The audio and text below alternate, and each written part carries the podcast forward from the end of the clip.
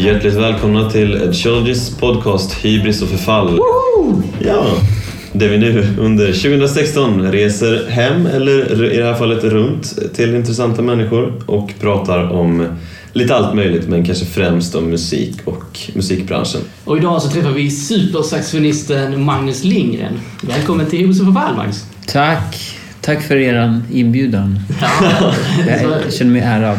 Ja, härligt att du är här. Ja, och Magnus, du kommer ju från Västerås eh, och där har vi eh, gjort lite research på dig och vi Oj. har, nej, lite, lite grann i alla fall. Eh, Och eh, visade sig att din eh, pappa eh, var musiker och att du åkte runt med hans band och spelade eh, på massa scener över hela Sverige när du var väldigt ung. Ja, ehm, alltså han hade dansband som spelade ehm, Count Basie, allt från Count Basie till liksom svensktoppsgrejer på. Så första gången jag såg musik, det var min pappas band på midsommarafton när de spelade liksom på en dansbana. Mm. Eh, och det, det kommer jag fortfarande ihåg, jag typ var fem år kanske. och och eh, att se folk spela live tillsammans, det, är- det är alltid något magiskt. Men vilket fall som helst, och då ville jag verkligen börja spela gitarr och jag tjatade på honom jättemycket. Och, ah, kan inte jag få spela gitarr? På den tiden jobbade han åt Yamaha och demonstrerade såna här orglar, hemorglar. Mhm. Eh, Såna här, inte B3 utan de här som... Det här, nu pratar vi i början på 80-talet, 82. Mm. Det kom så här rytmen, det hette inte trummaskin, det hette rytmbox. På vänster sida på orgeln så kan man trycka på lite olika färgade knappar. Men då fick han köpa en eh, skadad akustisk gitarr och så lärde, fick, lärde han mig tre ackord. Så lärde han mig sjunga en låt som var populär då som heter Kopparbergsvisan. Okej. Eh, och så sjunger jag den. Kan du sjunga den?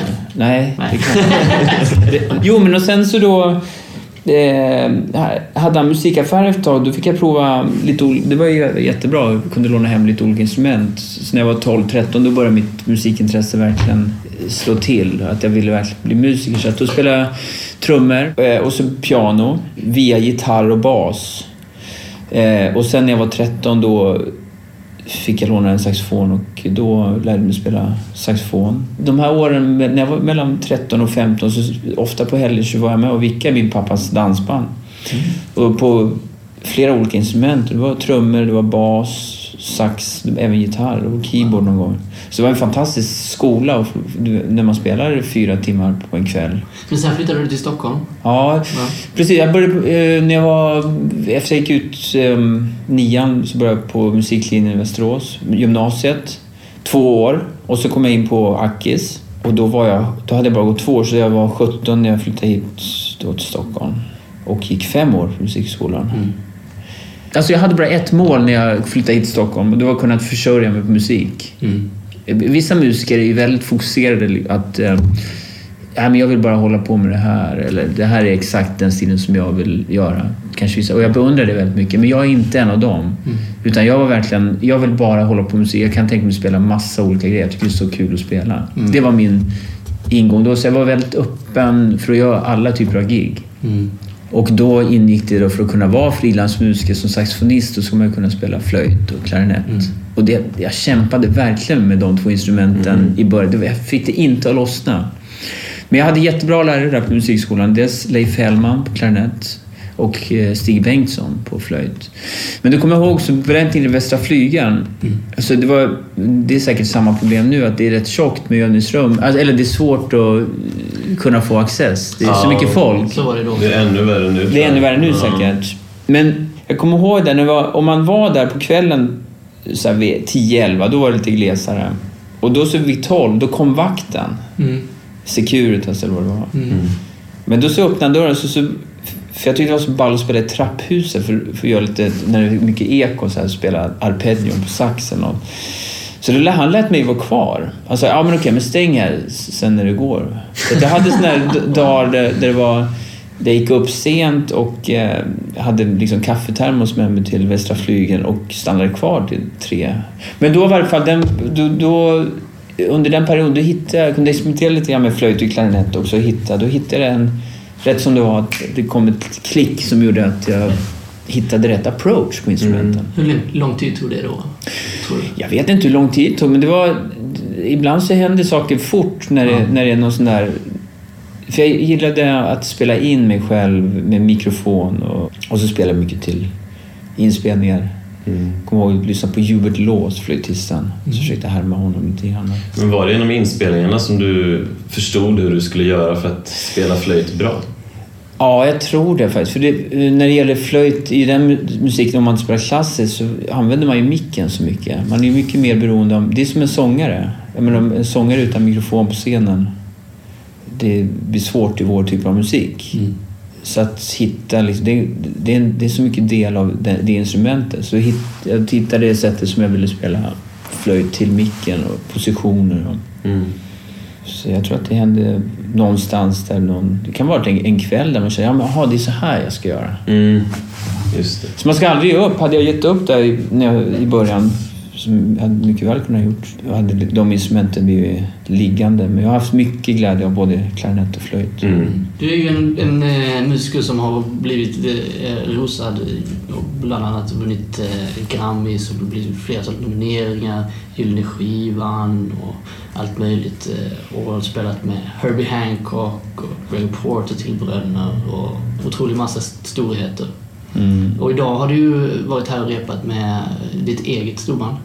Ja, mitt eget storband inte. Men det, vi, jag och Peter Asplund leder Blue House Jazz Orchestra och det är ett storband som ligger under Konserthuset i Stockholm och eh, det har vi gjort sedan 2004.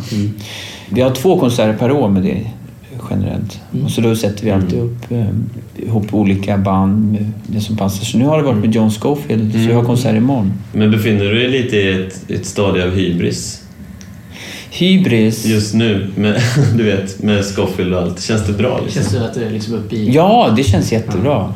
Och faktum att det... Ja, hur gamla är ni nu? Runt 26. 26 ja. Mm. Jag är ju 41 nu. Ja. Och det... Jag känner mig mer bekväm med de här grejerna ju äldre jag blir. ja, jag kan tänka För att mig som jag kommer ihåg, första gången jag spelade med Herbie, det var, då var jag 18. Wow. Och det var ju fantastiskt, men jag kunde ju inte, jag kan inte säga att jag kunde njuta, jag kunde inte slappna av direkt. Men att han betydde väldigt mycket, inte musikal, jo, musikaliskt också, men framförallt kommer jag ihåg att han var så positiv. Att han lyfte upp alla i bandet och var schysst. Mm. Och det, det har betytt mycket. Den, så att han liksom gjorde att alla spelade bättre.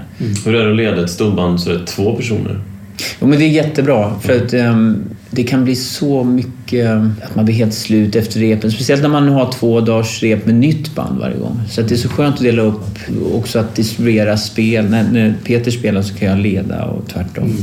Plus att man kan brainstorma idéer mycket också med någon. Man skulle kunna tänka sig att det, att det är många som, som eh, leder storband som är så här, det ska vara min musik och min vision. Mm. Men så är det inte för er. Vi har ju förtroende för att leda det här bandet från Konserthuset. Och det är ju liksom grundläggande idén. Men sen hittar vi nå- någonstans därifrån att vi är ledare men vi är också solister. Hur mycket det nu passar in i vilket projekt, vad man då gör. Mm. Och sen en balans. Ibland blir det att vi spelar mindre. Nu den här gången när Scofield gäst så blir det att vi hinner spela så mycket. Men sen också att få eh, alla i storbandet chans att spela solo. Och det där är också svårt ofta. Att alla får vara lite solister. Hur kom det sig det här samarbetet med Scofield? Hur eh, uppdagades det? Hur, Det var Peters idé. Han, han Ja. föreslog ja, men Scofield kanske kunde vara bra. Ja. Och det tyckte vi att vara perfekt. Stod i kontakt med han och hans eh, fru som också är hans manager. Mm. Då hade Schofield frågat, ringt till Lennart Åberg, för de känner varandra. Och då hade han frågat, "Vad- vad är det här för något? Är det någonting jag kan göra? Då hade Lennart gått i god för att, att det skulle bli bra. Vad bra. Tur! Någon som kan gå i god för det. Du har gjort mycket samarbeten sådär Mm. med, eh, med olika artister och, och musiker. Berätta lite om det. Hur du, har, hur du tänker där med samarbeten. Ja, ja, det kanske jag kan knyta tillbaka till min approach i början på eh, att jag, kan, att jag tycker det är ganska kul med det mesta. Men sen har det smalnat av i, i och med att jag har testat olika saker och tycker att ja, men det där var jätteroligt, det där vill jag göra mer av. Men så vissa grejer känner jag att ja, det där vill, det vill jag inte hålla på med. Men att ändå ge det en chans. Man vet ju inte egentligen innan man provar om, om något blir kul eller inte. Men med samarbeten, jag vet inte, jag tycker inte jag har gjort jättemycket samarbeten men Jo men, att, jo, men kanske när jag, eftersom jag arrangerar mycket musik och skriver för stora orkestrar och så, då blir det kanske naturligt. Men ibland har jag önskat att jag var pianist istället för att det, om man ska jobba med en sångare till exempel, eller sångerska, om man är pianist då kan man verkligen verkligen göra någonting tillsammans. Men som blåsare så är det ibland eh, att man då kanske avlöser varandra. När det är sång då, då, då, väntar jag och sen så spelar jag när sången vilar. Mm. Jag skulle verkligen vilja försöka hitta olika andra infallsvinklar på det också. Mm. Och så gjorde jag, den senaste albumet jag gjorde, då gjorde jag med, med sångare. Men det var egentligen för att jag hade bestämt att jag skulle jobba med Ira Coleman som är producent. Och det var han som föreslog det. Mm. Men det, det, var jag nyfiken För han tyckte att ja, men du har gjort väldigt mycket olika, men det är någonting du inte har gjort och det är att jobba med text och med sångmelodier. Så då, då frågade han om, om jag ville utmana mig själv på det. Mm. Och då sa jag, ja men det måste vi prova. Hur, hur mycket har du anpassat dig efter vad som är kommersiellt gångbart i jazzbranschen? Det är en ganska bra fråga. Jag tror inte att jag har anpassat mig egentligen vad som är kommersiellt gångbart, men jag, må, jag, må, jag, känner att jag kan, kan njuta av att lyssna på olika musik vid olika tillfällen och vissa av den musiken är kommersiell. Jag kan tycka att det är jättekul att lyssna på Diane Crawl till exempel, mm. om man nu tycker att det är kommersiell jazz. Mm. Eh, men det är ett svårt ord verkligen, kommersiellt, för det, det är någonting då som är gjort för att det ska sälja. Det är klart att det är jättekul att ha, och, om man skulle kunna göra en jättestor produktion och åka runt och spela. Men jag har aldrig kommit dit. Så jag vet inte hur mycket. Jag, jag, tror att jag har provat olika grejer som är lite kommersiella när det gäller jazzmusiken. Men, men syftet är inte kanske att eh, sälja en bil. Utan det kommer från musiken. Mm. Men sen kan jag tycka efter att vissa grejer är mer lyckade och vissa blev inte så bra som jag hade velat. Men det kan, du kan ändå rekommendera att, att pröva olika grejer för att se vad, som, vad man faktiskt tycker funkar. Och... Precis. Det, det finns ju en klyscha att om man, om man står för någonting och känner, eller klyscha är det, det är en sanning. Om man, om man känner att man står för något och, och att det känns rätt. Men det är ju lättare sagt än gjort. För vissa, återigen, är det säkert lätt att känna det på en gång. Men ibland så har jag känt, jag har varit tvungen att testa om jag, till exempel jag gjorde en brasiliansk platta mm. i Brasilien och då när de sa det, det kändes inte rätt att göra det i början. Men så jag, jag måste ge det en chans. Jag älskar ju brasiliansk musik, men varför ska jag åka dit och göra det? Och det var en gambling, men det kändes som att jag älskade att verkligen göra det. Och det visste jag inte från början. Hur gör du då när du ska välja projekt? Exakt, det är precis där jag är just nu. Jag är helt eh, förvirrad just nu. eller, eller inte förvirrad, men jag har jättemycket inspirationer och jag måste bestämma någonting. Så att det är... Jag tänker att det där man kanske kan vara lite sådär, men det här... Eller man skulle kunna tänka sig att om man har massa olika idéer eh, och så ser man att det här vill jag, det här vill jag, det här vill jag. Men det här kommer leda, eller det här kommer vara mycket enklare att göra mm. någonting av. Mm. Alltså att det kommer kunna nå ut till människor och jag vill ju göra det. det mm. Väljer du i så fall taktiskt där eller hur mycket så? Nej, jag, jag, borde ha... Vissa val skulle jag kunnat gjort mycket bättre. Till exempel när jag gjorde den brasilianska plattan. Om jag hade varit lite smart. Eller jag jobbade också med en manager. manager och när vi hade gjort plattan, det var ju liksom tio band eller något, något, sånt där. Och det är omöjligt att åka och turnera med. Och det kunde man ju, då, om man hade varit lite smart, om vi pratar i de termerna. Hade, var, hade man gjort grejer med, där det varit fyra personer.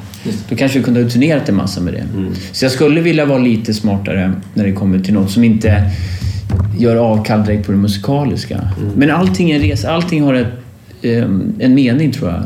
Mm. Och um, när jag gjorde den här plattan med sångare nu, jag kan inte samla alla de sångarna för att åka på turné. Så det är svårt också att få spela med det. Man kan göra med någon av sångarna. Men ändå, det är, det är jättekul att ha gjort det. På tal om samarbeten, eh, hur kommer det sig att du lyckades ta dig från att vara en person som gick på Akis och övade flöjt och bli bra på det du på med och spela en massa olika projekt till eh, en person som jobbar med producenter och management och eh, liksom...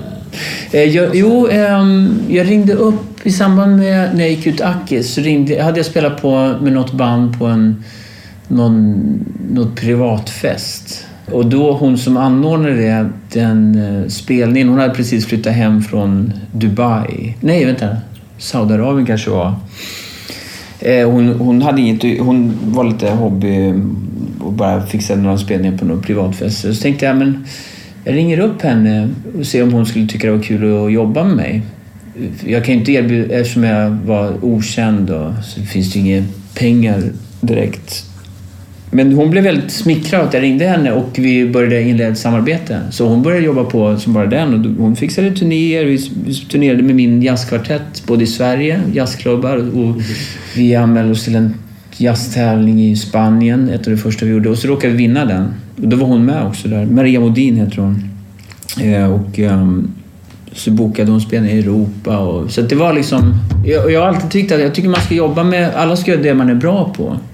Utvecklingen tyvärr med skivbolag och allting, det är att vi ska som musiker göra allting själva. Vi ska ha eget skivbolag, vi ska... Och det är synd att... Jag tycker... Tänk om vi kunde ha eh, bra folk som kan göra någon promotion för oss eller någon som gör, säljer in oss på spelningar och så kan vi hålla på med musik. Men jag tror att... Så det, och det här är redan innan jag gjorde min första skiva som jag började jobba med henne.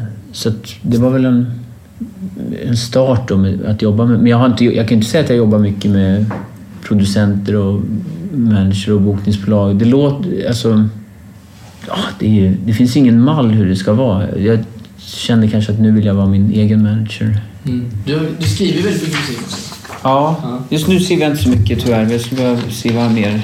Men, Ja. ehm, Men du har skrivit mycket musik. Mm. Hur ser din kreativa process ut där? Den kan vara lite olika. Jag gillar att sitta med en akustisk gitarr bara. Men sen, är jag- så att det är ett sätt att se på gitarr. Men sen skriver jag piano, gillar jag att sitta och se på. Eller också om man nynnar en melodi och skriver ner melodin bara. Eller sitter med en flöjt. Jag fortfarande gillar att hitta olika sätt. Hur gör du när du kör fast då? Eller kör du fast? Ja, absolut.